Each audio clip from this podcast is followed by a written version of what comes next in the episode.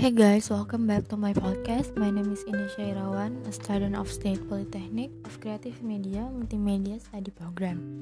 In this episode, I will explain you about function and benefit of the internet. So, the internet is a world community which is very democratic in nature and has a code of ethics that is respected by all its members. The benefits of the internet are obtained through collaboration between individual or group without knowing the distance and the time limits. To further improve the quality of human resource in Indonesia, it is time for Indonesian professionals to take advantage of the internet network and become part of the world information society. So, the benefit of the internet for studying and the world of education the one is extending insight in science. The second is as an additional source of lessons that have not yet been understood at school. The third is translating to know ways to use computers, and the last one as a means of communication. And the benefit of the internet for the community is internet as a source of information for various fields of work and the existence of the internet can simplify or speed up job, extending the social network and strange friendship, running a business through internet media. And internet media is one of the very good media for promotion and use social network to promote or even create a personal site then include our efforts. And the last one is looking for items that we want via the internet. So what is the function of internet?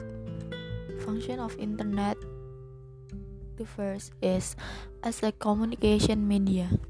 Has a function as communication between individuals in different location in additional the cost of the communication process are are also very cheap when using the internet. Some ways of communication that are often done by utilizing the internet are chatting, sending uh, emails, social media, and any others. The second is add insight and knowledge.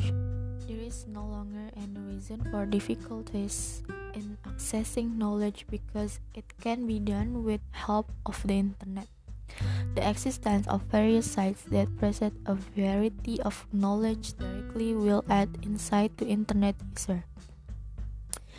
And easy of shopping. Online consumers in Indonesia are growing so fast. This is proof that the internet make it easy to shop for anything quickly and cheaply.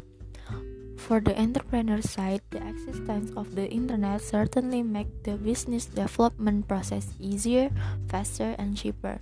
So no wonder why e-commerce business in Indonesia is growing rapidly. And is in business marketing. Business people should use the internet as a marketing medium. There are several advantages of internet marketing compared to conventional marketing, include marketing costs tend to be cheaper, can target a particular target market, can reach more people, and the last one is building a brand faster.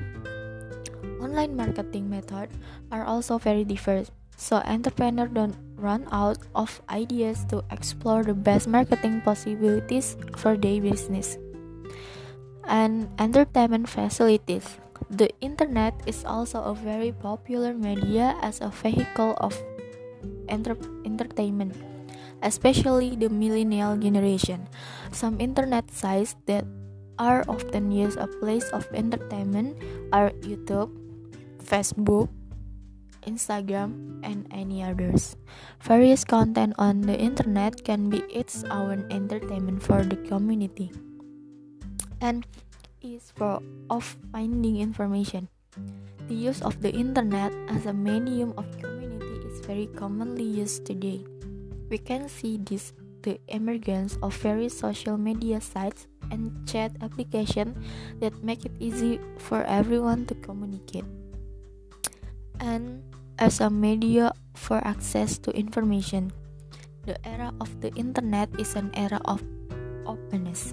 That is, With the presence of the internet, it is easy of human to access various important information. In the past people had to read book to get information, now it can be done through the internet. Even the existence of of digital book or e-books allow human to read book online. And the last one is as media for access to news. Various event and places around the world can be seen through various online news sites or online media. This, of course, can be done because of the internet networks. All online news sites in the world can only be opened when our device is connected to the internet. So, that's all from this episode. Don't forget to listen to my next podcast. Thank you so much. Bye.